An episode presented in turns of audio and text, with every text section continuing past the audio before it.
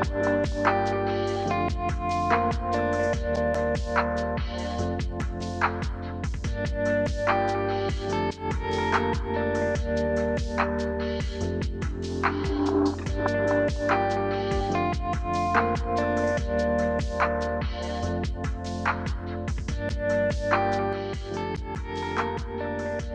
økende grad så tar barn seksuelle bilder av seg selv, og det bruker de til å bytte seg penger eller produkter. Mer enn én av ti ungdommer har delt et nakenbilde.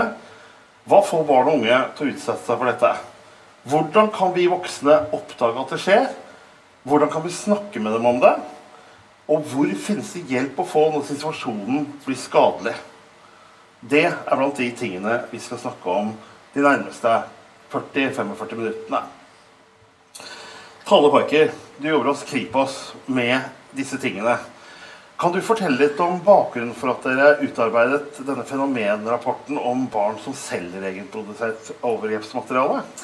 Ja, I 2020 så, så vi et økende informasjonstilfang eh, på um, ungdom som solgte nakenbilder eller seksualiserte videoer. Vi får det som overskuddsinformasjon i straffesaker. Vi fikk info fra foreldre som hadde oppdaget det. Um, og vi fikk noe info fra betalingstjenester. I tillegg så kom Barn- og medieundersøkelsen 2020, der de avdekket at omtrent 1,5% av ungdom i alderen 13 til 18 år hadde fått betalt for eh, nakenbilder. Så sammenstilt så valgte vi da å skrive denne eh, fenomenrapporten som vi publiserte i 2021. Begynnelsen av 2021. Den er jo veldig interessant, men kan vi, kan vi innledningsvis Fordi at jeg vet ikke om det er innlysende, men hvilke plattformer eh, og hvor foregår denne delingen? og Hvordan kommer man i kontakt med hverandre? Ja, eh, I all hovedsak så foregår selve utvekslingen av bilder og filmer på Snapchat. Men ja. det finnes også andre plattformer der det foregår. Eh, jeg har til og med sett et tilfelle nå nylig der det skjedde på MMS. Eh, og i teorien så kan alle plattformer der bilder og video kan utveksles, benyttes.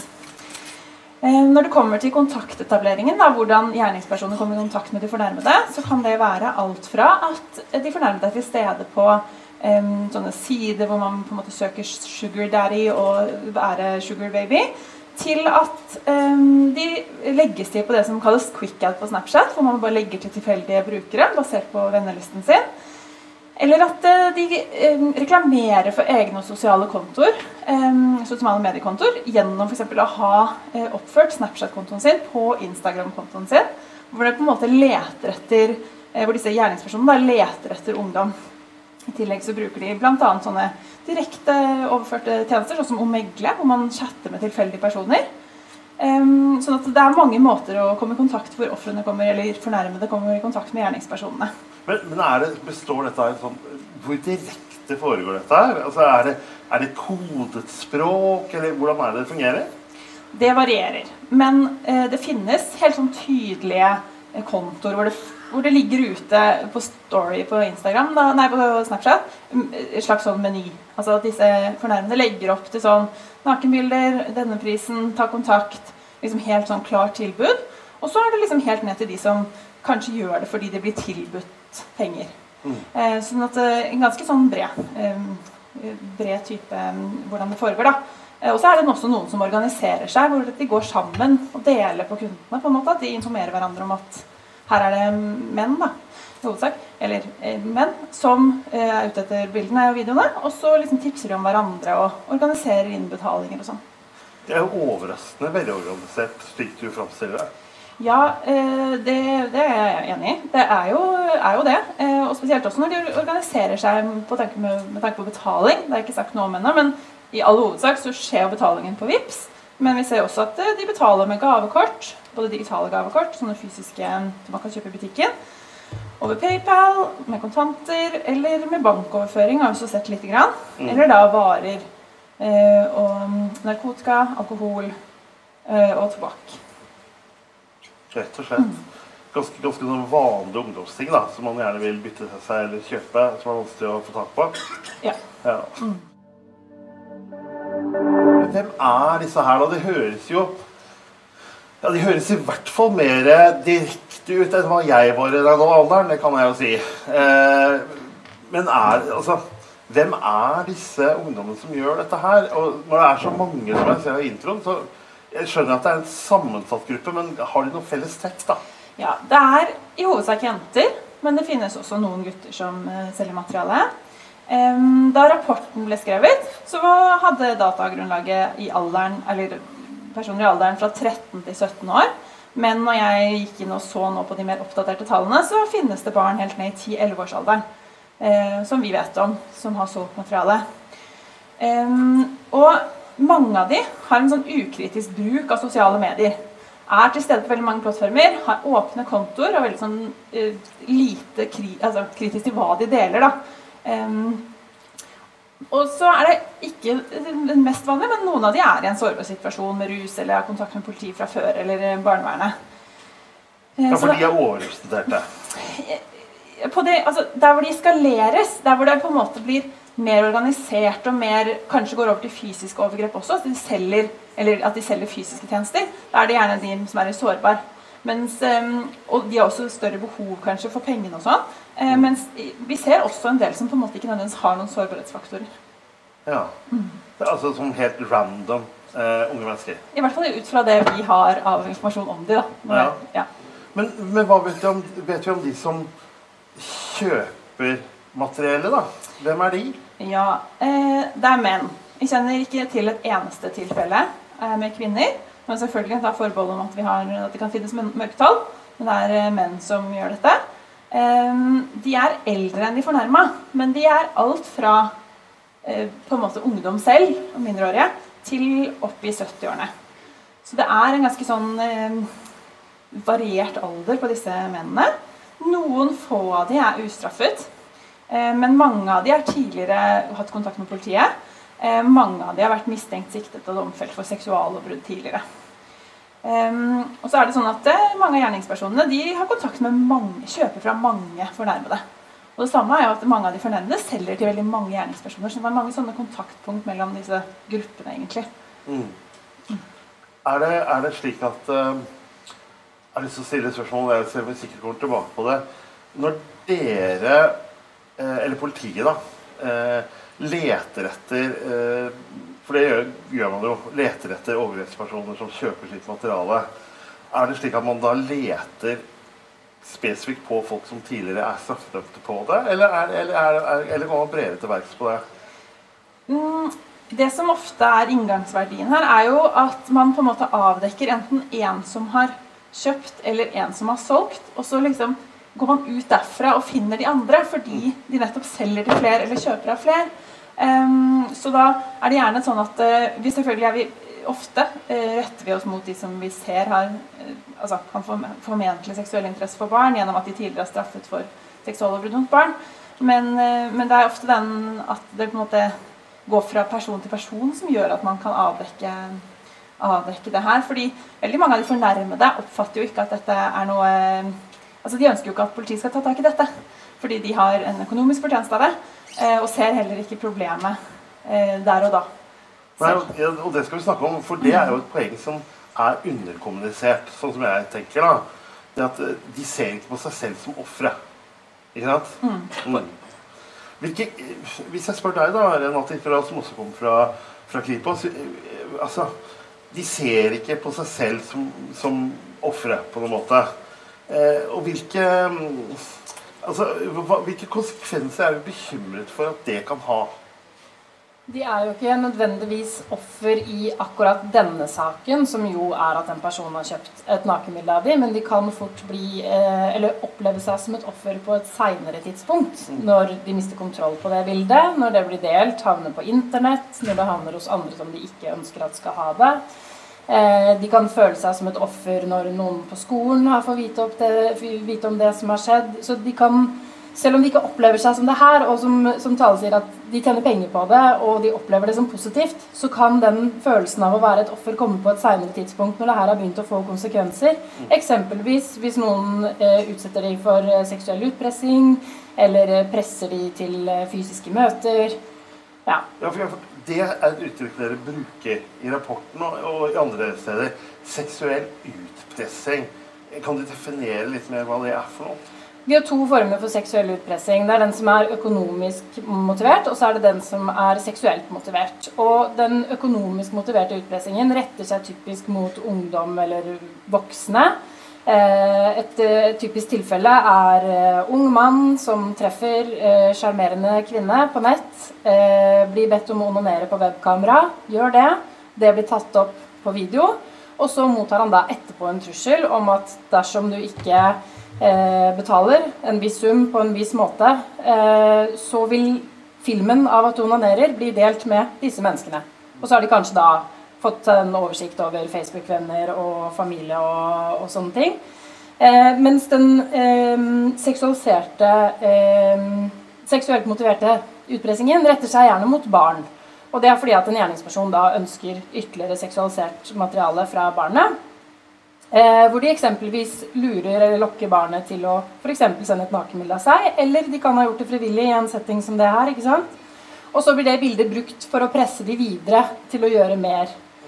Eh, det kan være eh, presse de til å lage videoer av seg selv, lage bilder av seg selv. De kan presse de til fysiske møter. Ehm, og de ehm, utpresserne er som oftest en tilfeldig eh, nettvenn, altså noen de ikke kjenner fra før. Og de som på en måte driver med det, eh, de har ganske gode metoder for å komme seg i posisjon for å kunne presse barnet. De tar kontakt med barna og bruker et språk som barn bruker. De utgir seg kanskje for å være barn selv. Eh, spiller litt på det at barn også utforsker sin seksualitet på internett. Litt som du deler, og så deler jeg litt. Hvis du viser meg, så viser jeg deg. Eh, og de snakker barnas språk, de kartlegger barna, eh, finner ut hva de er interessert i, hva de liker å prate om, og blir en venn. De kan også bruke andre identiteter for å backe opp den første identiteten. Altså at plutselig en venn av den de opprinnelig prata med, tar kontakt og Eh, bygger opp under at denne identiteten fins, at dette er et barn. De kan sende bilder av andre barn for å bevise det. Og på den måten så jobber de seg eh, inn på barnet og kommer etter hvert i posisjonen hvor de da får tak i et eller annet som de kan bruke for å presse. Og da kommer jo barna åpenbart i en veldig veldig vanskelig situasjon. For da er det mye skyld og skam involvert, fordi at de har jo de har jo på et tidspunkt gjort noe selv. De har vært med på det. Og sånn er det for de voksne òg, som opplever det her, at det er veldig vanskelig for de å be om hjelp, fordi det er så enormt mye skam knytta til det. For det er ikke så kult å skulle gå til politiet og si du, jeg, jeg runka på cam, og nå blir jeg pressa. Eh, så derfor så er det vanskelig for folk ofte å anmelde det også, og de blir gjerne sittende med det selv. Ja, for det, jo, det står jeg her og tenker på. Det må være, hvordan kan man i det hele tatt etterforske og komme til bunns i disse sakene her. Eller, det skjønner jeg at man ikke gjør i, veldig veldig mange av dem, men går det an å si noe om hvordan man jobber med det? Ja.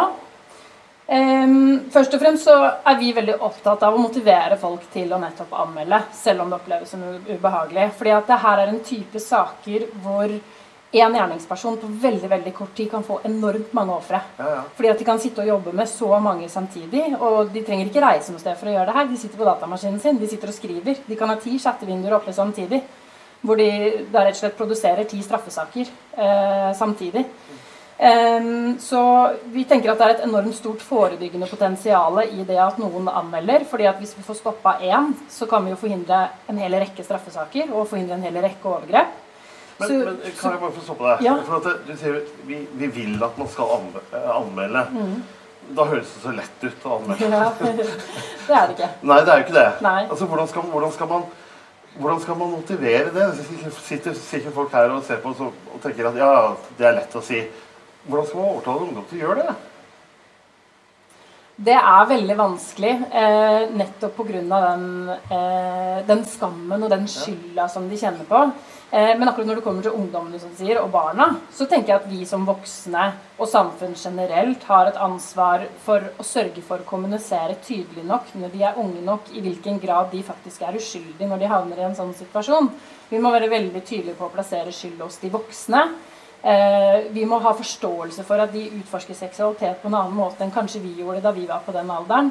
Og at ikke det å, at de har sendt et nakenbilde nødvendigvis skal resultere i en måneds beslag av mobiltelefon og kjeft.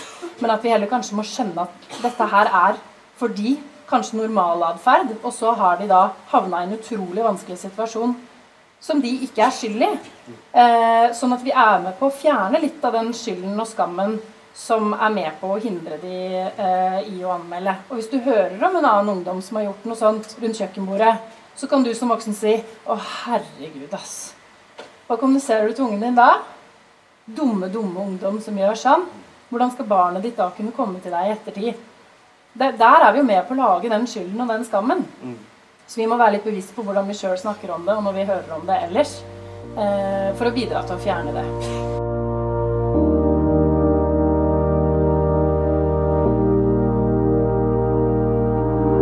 Det er jo tradisjonell teknisk og taktisk etterforskning som gjelder her som ellers. Eh, Det er jo avhør av de involverte, det er kanskje beslag av teknisk utstyr, gjennomgang av det.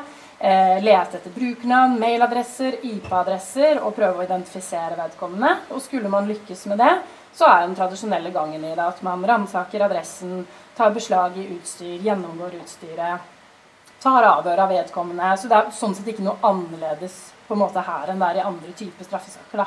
Det er veldig mange av de samme tingene som gjøres. For det er komplisert for det er unge og sårbare folk involvert. ikke sant?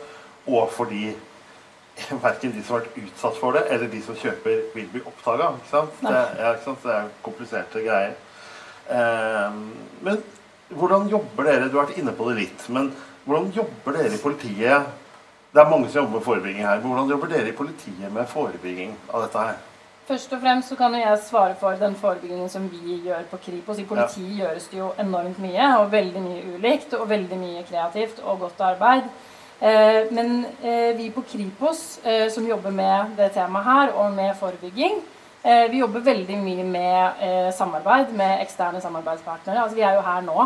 Eh, vi jobber mye med informasjonsdeling, også som de rapportene som, som de da har skrevet. Ikke sant? Få ut informasjon om det, sånn at folk kan få kunnskap om hva det er som foregår. Det er veldig mye av det eh, jobben vår går ut på. Em, og så har vi jo laga eh, Delbart, som er et undervisningsopplegg som både politidistriktene, altså kollegaene våre som jobber forebyggende ute, kan bruke. Men også fagpersoner utafor politiet. Det ligger åpent og tilgjengelig på politiet.no. slash delbart. Og, Og det, det- kan foreldre se litt på også, Ja, tror jeg. absolutt. absolutt. Eh, og det, er, eh, det retter seg mot ungdomsskoleelever og de øverste trinnene på barneskolen. Og består av en film som avbrytes av spørsmål, hvor man kan ha diskusjon rundt de spørsmålene. Så ligger det da en veileder der eh, med informasjon om hva man kan snakke om i de ulike bolkene av filmen. Så det er bare å gå inn og se på og holde. Så det er ett av de forebyggende tiltakene vi har gjort. Og så har vi også noen litt mer teknisk retta forebyggende tiltak. F.eks. er det utarbeida en eh, liste over nettsider som eh, formidles til kommuner og skoler. Eh, med nettsider som vi eh, foreslår at eh, det begrenses tilgang til på eh, skolenettet og på skole-PC-ene. Og det er typisk sider som tilbyr live videochat, eller sånn eh, chattesider for å komme i kontakt, altså voksne imellom. Eh, hvor det deles, deles video for å nettopp forhindre at barn havner på sånne typisk Omegle-sider som har blitt, blitt nevnt her. Ehm, og så har vi også eh, et teknisk tiltak som heter Police to Pair. Som handler om at man eh, pøser ut masse falske overgrepsfiler i fildelingsnettverk, der hvor personer som har en seksuell interesse for barn, sitter og laster ned overgrepsmateriale. Der pøser man ut masse filer uten innhold. Eh, sånn at når de har lasta ned en stor eh, sekk med masse filer som de har tenkt å hygge seg med, så er det bare ingenting. Og inni blant de filene så ligger det også videoer hvor det plutselig dukker opp en voksen politimann som står og sier Hei, jeg vet hva du har gjort. Nå har jeg din IP-adresse. Jeg kan potensielt komme og ta deg. Eh, og det er også gjort for å, litt for å ødelegge fildelingsnettverket, så ikke det blir så attraktivt. Men også for å nå ut til dem med informasjon om at storebror ser deg. Og eh, også lenker til steder de kan søke hjelp. Og i den forbindelse så må jeg også få nevne det finnes hjelp.no, som er eh, ganske nyoppretta tilbud i Norge til folk som har en seksuell interesse for barn. Helt lavterskel, hvor man kan ta kontakt, chattetjeneste, og også få uten legehenvisning få bestilt time for å få noen å prate med. Som var veldig viktig at du nevnte. Det er veldig viktig å få med. Eh, vi skal snakke litt mer etterpå om dette med hvordan voksne omsorgspersoner kan være forberedt og, å våkne. Men først har jeg lyst til å trekke inn deg, Kine Elverum. Du er eh, fag- og behandlingsansvarlig i Humana eh, og jobber faktisk ganske mye med barna på og ungdommene på motsatt side. For det, det er ganske mange ungdom som også har vært innom her, som kjøper disse, dette materialet. Um, kan du ikke fortelle litt om hva, hva som kjennetegner dem? Ja, vi har jo, vi har jo en egen barnevernsinstitusjon som, eh, som tilbyr behandling da, til målgruppa uh, unge med skadelig seksuell atferd. Uh, og da er jo en del av det, ja, det her teknologiassistert skadelig seksuell atferd, men ikke bare det. Uh, det som jeg opplever kjennetegner de ungdommene som vi får inn, det er jo for så vidt de ungdommene som vurderte å være i høyest risiko for tilbakefall. det er jo ungdommer som gjerne har begått gjentatte seksuelle overgrep ikke tatt korrigering, eh, fortsatt til tross for at man har satt i vei tiltak. Mm.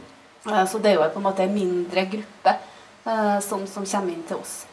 Eh, ellers så ser vi jo på en måte at de har noen felles sårbarheter. Eh, og det går jo gjerne på at de kan ha vært utsatt for omsorgssvikt, det kan ligge noe traumer der. vi ser at det er unge med ferdighetsbrister i forhold til følelsesregulering, relasjonsferdigheter og også en del i forhold til liksom kognitive utfordringer. Så, men, men, det er jo sammensatt. Eh, og barn og unge generelt med skadelig seksuell atferd er jo ingen heterogen gruppe. Eh, det er det ikke. Men dem vi får inn på vår avdeling, så, så, er det en del fellestrekk, syns jeg. Men Hvordan nærmer dere disse ungdommene her? Ja, det som er jo det at det her er unger som blir plassert på tvang hos oss. Så det er jo barnetjenesten og Bufetat som, som plasserer det. Eh, og vi tar jo bare imot den målgruppa, eh, ikke andre typer problematikk. Eh, så vi har jo på en måte et sammensatt behandlingstiltak til dem. Miljøterapeutisk veiledning og omsorg er jo selvfølgelig naturlig i bunnen her. Ellers så har vi jo mye fokus på ferdighetstrening. For vi ser at det, det trenger dem.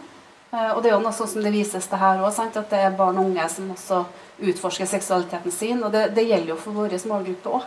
Eh, de ønsker å utvikle seksualiteten sin. Kanskje er det sånn at man ikke fungerer godt med jevnaldrende. Eh, kanskje sliter man med hva som er akseptabelt og ikke.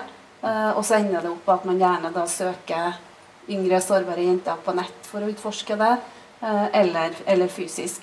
Og da blir på en måte denne fokus på ferdigstrening ekstremt viktig for at man skal kunne klare å få seg en kjæreste.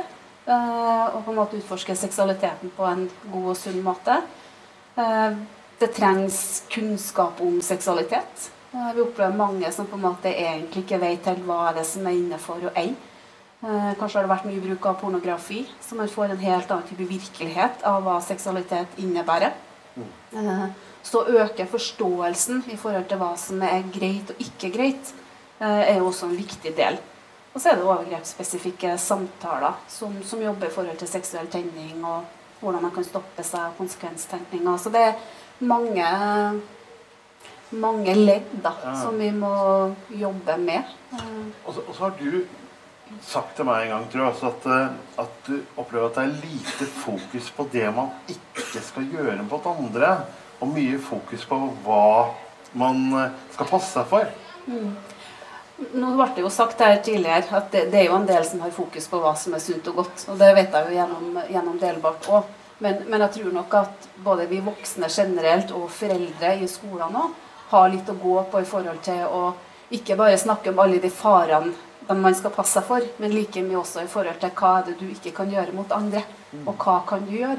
Eh, jeg har jo jobba på Smisto i mange år og jobba en del forebygging i skolene. Eh, og jeg tror at vi har en lavere terskel for å snakke om det med barna våre. Eh, om at hva er det ikke greit å gjøre, da? Mm. Det, at vi er litt tydelige på det også. Hvorfor, hvorfor tror du det er vanskelig? Jeg tror at det er lettere å tenke at barn og unge er, er sårbare og ikke nødvendigvis går ut og krenker andre. Og i hvert fall ikke sine egne. Vi har behov for å beskytte dem for hva de sjøl blir utsatt for. Og så tenker vi ikke at kanskje kan faktisk mitt barn eller min ungdom også begå grenseoverskridende handlinger. Mm. Mm. Men dette er ungdommer som har eh, Jeg vet ikke om jeg kan kalle det litt ekstreme. Når de er plassert på tvang, så kan man kanskje gjøre det. Eh, men eh, altså, burde ikke dette vært oppdaget før? Og hva kan man gjøre for å oppdage det tidligere? Jeg tenker jo For en del av de ungdommene som vi har fått inn, så har jeg jo stilt spørsmål hva er det som gjør at man på en måte ikke har fanga tidligere. Eh, og det kan jo være bl.a. fordi at man har visst en ukritisk seksuell atferd kanskje allerede i 9-10-årsalderen. Uh, og så har det blitt plassert litt mer innenfor det som har vært normalt. Vært lite veiledning, lite oppfølging. Uh, så når jeg går igjen i dokumentasjon i forhold til historikk, så, så, tenker jeg jo at i en del saker så burde det ha vært noen varsellamper som burde vært blinka. Det, og spesielt opp imot de ungdommene som strever generelt med å regulere følelser og atferd. Uh, for jeg tenker, har du, har du barn og unge som, som har utfordringer med det, så jeg sier ikke at det er sånn, men det er jo naturlig at det også kan bli utfordringer i forhold til det seksuelle. Det er jo en del av hele pakka, det. Har du en ungdom som krenker andre i leik, i samspill, uh, det, tenker vi at de da har forutsetning for å skjøtte det seksuelle uproblematisk. Så, så, det er noe med å være litt sånn ja, på da, i forhold til de ungene som, som strever, og spesielt i forhold til regulering, tenker jeg, og samspill med andre. Rune Midtgaard, du, du, er divisjonsdirektør for barne, barnevernsdriftene i Humana. Du har jobbet med SSA ganske lenge. Hvilken utvikling har du sett eh, i forhold til dette her? Er, jeg kan ikke si litt om det. for det, det kan jo virke som det er en tendens som går sant, imot dette med teknologi, selvfølgelig. Men er det andre, eh, andre linjer man ser? Og, og ja. Ja da, altså vi, vi ser jo en veldig utvikling. Altså Hvis du tenker på den digitale utviklinga som har vært, altså bare 10-15 år Smartphonene kom i 2007 kanskje, og ble allemannseie rundt 2010-2012, også for barn. Eh, og som gjorde dette med digital deling da, eh, mye enklere og mye mer tilgjengelig. da. Eh, og det har jo vært en ja, fabelaktig utvikling kan si på den måten. Og så klarer jo de unge de klarer jo å ta til seg ny digital kompetanse langt tidligere enn uh, vi voksne ofte gjør. Så kommer vi litt etterpå, da. Herunder da også dette som går på å dele uh, seksualiserte bilder. da. Uh, vi kom jo inn i det her fordi at vi så at det var litt lite fokus på det. Det var i kanskje 2015-2016. Uh, og vi uh, så litt til Sverige. For der hadde de behandlingsmodeller uh, for ungdom med skadelig seksuell atferd. og kanskje ikke bare på den digitale siden, altså, men da på fysiske overgrep osv. Så videre. sånn at de også hadde både polikliniske tilbud, men døgnbehandling i institusjon da, for denne målgruppa. Så vi eh, gikk til Sverige og så så vi litt på hva har dem, og så ønska vi å tilby det samme til eh, ungdom i Norge. da, For vi så at det kanskje var et mangelfullt tilbud i det offentlige. Og lite fokus på det i 2016. Uh, og vi starta da en barnevernsinstitusjon med Kine som uh, fag- og behandlingsansvarlig. Og vi har jo hatt uh, hele reisen i lag da, på det her. Og da det, møtte vi faktisk litt sånn ja, skal vi vet ikke motstand, men litt sånn uforstand da, i hjelpeapparatet på hva er det vi egentlig skal tilby gi tilbud om. Hva skal dette inneholde? Dette er litt skummelt. Og skal man faktisk plassere flere barn med skadelig seksuell atferd på samme hus? Det var litt sånn skummelt å tenke den gangen. I, I, dag så tenker vi kanskje ikke det at det er så skummelt lenger. fordi at eh, sånn som Kine er inne på, eh, så er det nettopp dette med at vi har fokus også på mestring, hverdagen. Eh, eh ferdighetstrening. da, Altså du skal mestre det normale eh, fremfor bare å ha fokus på, på det som er skadelig. da. Eh, vi etablerte jo disse mm, avdelingene da, i Midt-Norge i all hovedsak. Eh, vi har godt etablert samarbeid med det offentlige hjelpeapparatet i dag. Eh, vi opplevde kanskje noen sånne hindringer på veien da, før vi fikk dette til å klaffe helt. da. Mye runder, mye diskusjoner, både med det psykiske helsevernet, med Bufetat etc., etc., etc. Men opplever i dag at dette samspillet som vi har, da, er det som egentlig må til da, for å behandle de mest alvorlige sakene knytta til skadelig seksuell atferd. Eh, det er ikke sånn at vi kan behandle disse her i et eh, vakuum. Vi er helt avhengig av eh, samfunnet rundt oss. De skal faktisk gå på skole, de skal ha helsetilbudene, de skal ha fritidstilbudene. De skal gjøre alt som alle andre ungdom gjør òg. Vi skal ikke låse dem inne og tro at da, da har vi reddet verden. Men det er jo sånn at risiko er jo knytta til barn med skadelig seksuell atferd. Risiko for å gjenta denne atferden er jo til stede. Eh, og det er jo vår jobb å redusere risikoen.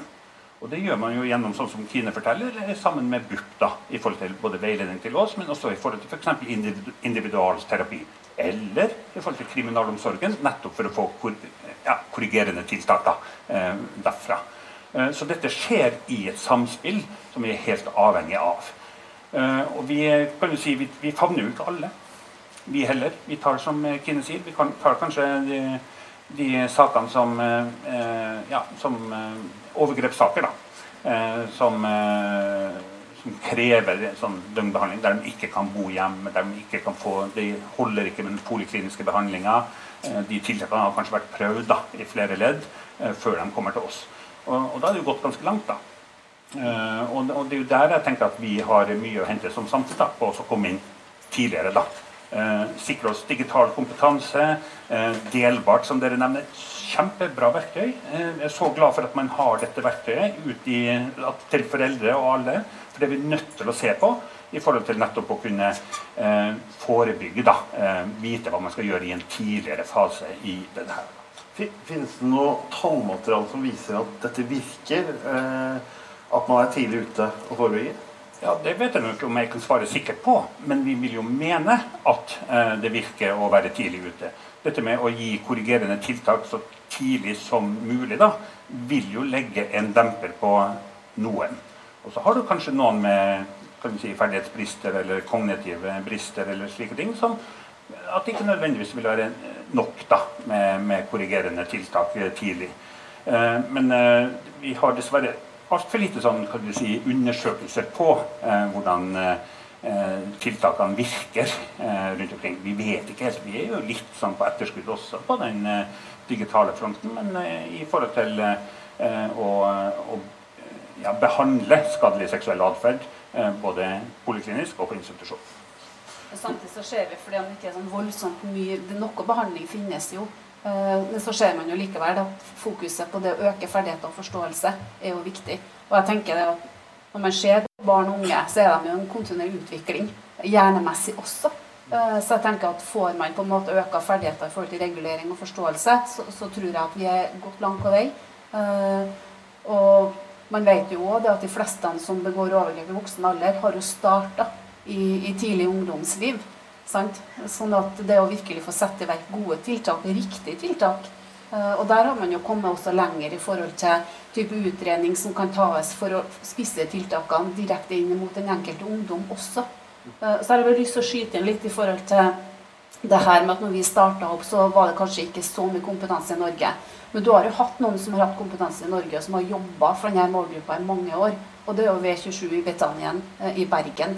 Eh, og de siste fem årene nå så har jo RVTS-ene gjort en kjempejobb.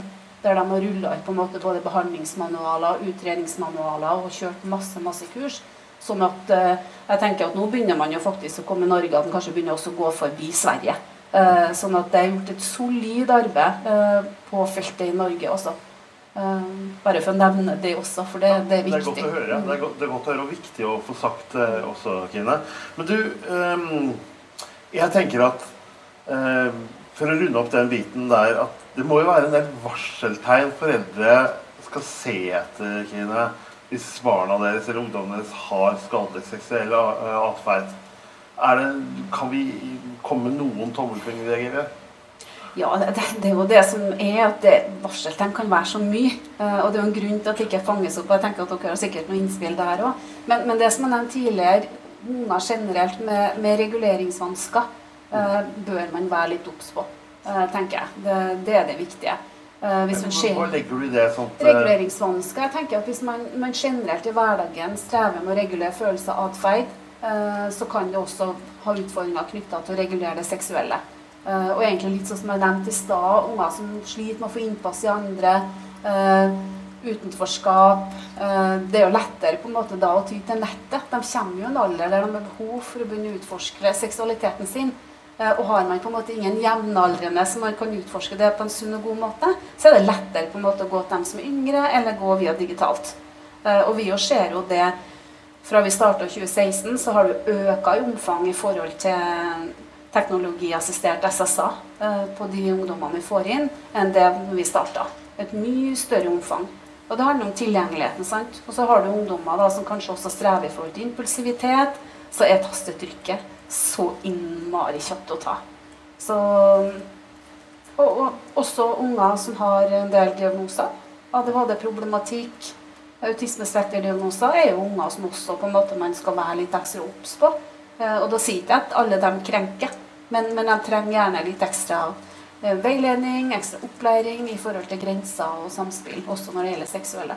Mm, Jeg tenker bare, før vi slipper deg eh, Hvordan skal voksne prate med, med ungdommene sine? Har du noen tips der? Jeg tenker at Det viktigste er at vi ikke kommer med moral-pekefingeren, eh, men at vi kan snakke med dem om normal seksualitet. eh, Positive sider for til bruk av nett, positive sider å utforske seksualiteten sin. At vi er nysgjerrig undrende på det, fordi at det er en del av, av livet vårt, identiteten vår. Eh, Og, og vær i dialog med dem. Spør dem litt hva tenker du er lurt, hva tenker du ikke er lurt. Eh, For jeg tror at begynner vi på en måte å være veldig sånn, så, så mister vi dem. Eh, Det er i hvert fall min erfaring. Og når jeg har en ungdom også som har utvikla en veldig skadelig seksuell atferd, så er jo like mye fokus på hva som er god og sunn seksualitet. Hva, hva er det som er greit, hva syns du er fint? Eh, hvor kan du utforske, hvor kan du gjøre ting? Eh, det er jo det de trenger. Og det tenker jeg blir viktig som foreldre òg, at vi kan snakke om det sunne, gode, positive. Og da er det lettere å få innpass også til å snakke om det som er skyggesida av seksualiteten. Da.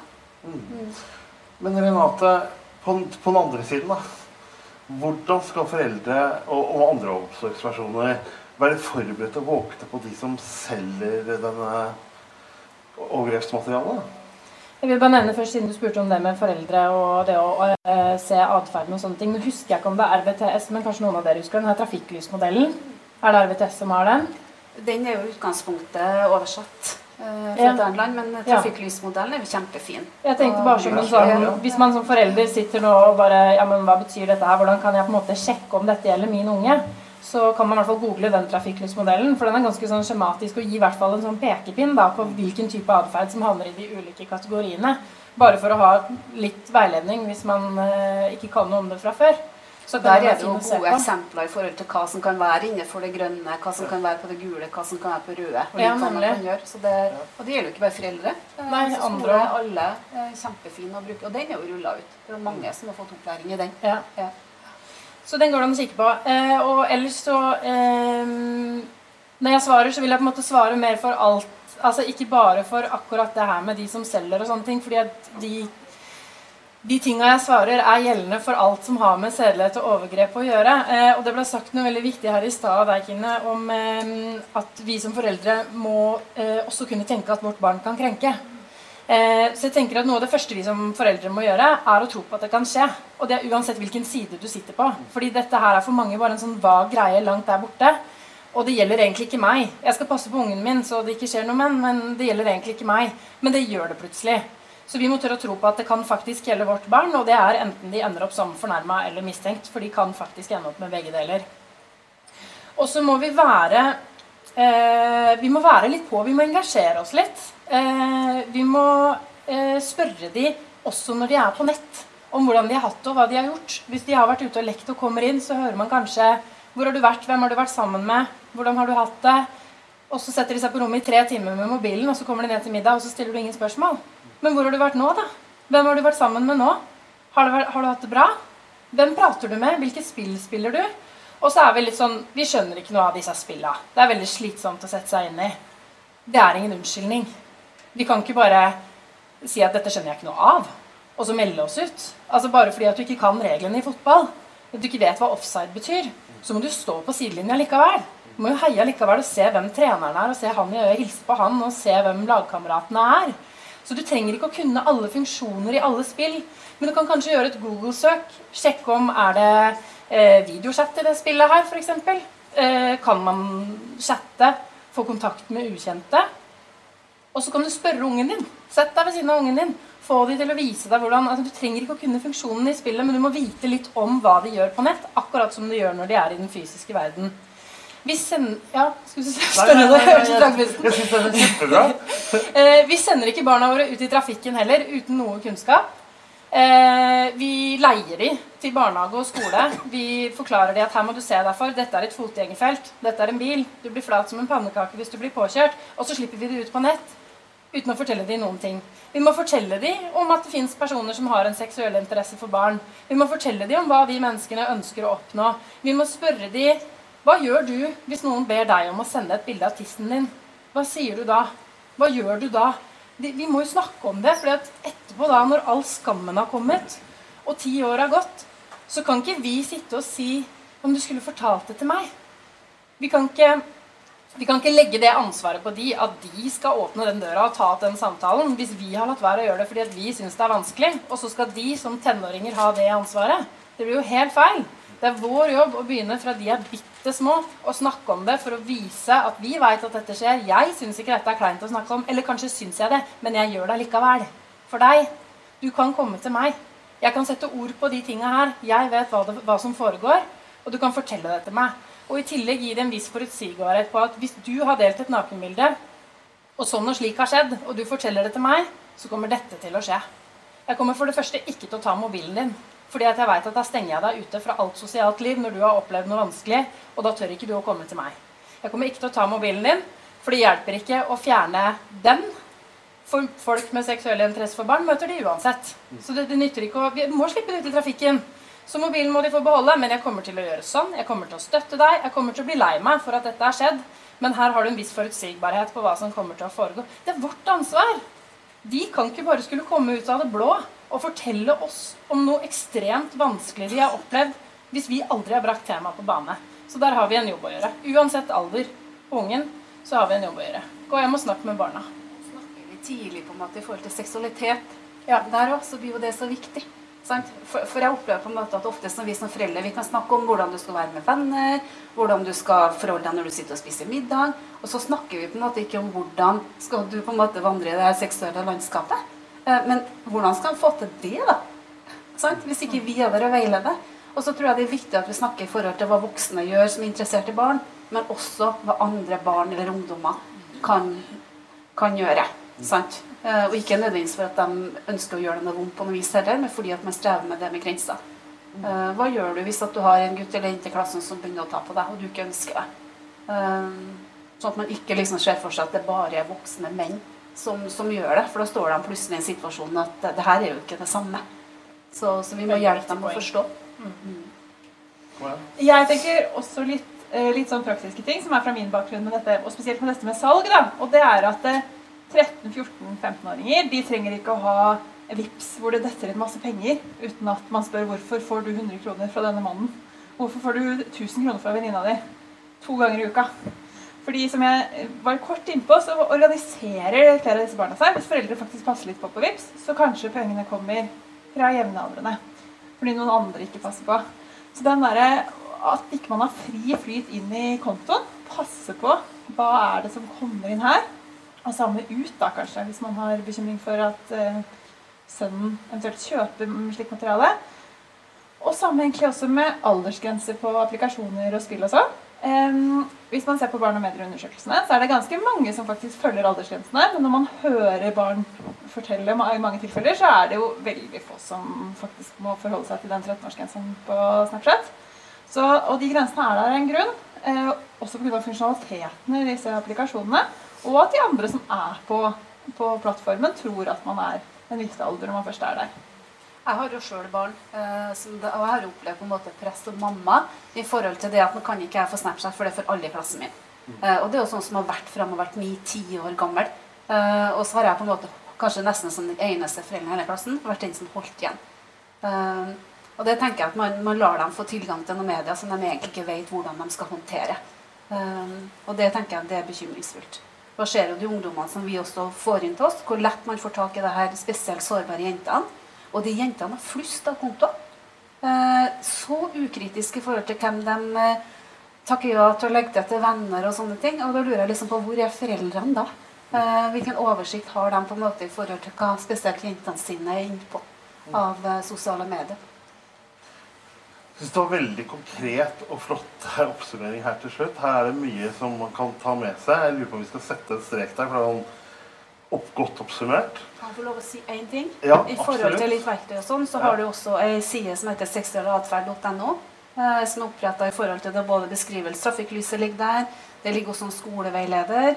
Det er masse informasjon både i forhold til god, sunn seksualitet, hva som er bekymringsfullt, skadelig, kurs som ligger inn, og diverse verktøy som, eh, som kan være greit både til foreldre, men også alle andre voksne som, som trenger kunnskap. Det er en flott side. Seksuell atferd.no. Ja. Viktig. Du har hørt en podkast fra Humana Innsikt. Besøk gjerne vår nettside humananorge.no, eller følg oss på sosiale medier ved å søke opp Humana omsorg og assistanse. Ansvarlig redaktør for podkasten er marked- og kommunikasjonsdirektør Hans Henrik Sørensen. Likte du det du hørte, er det hyggelig om du anbefaler podkasten videre til andre.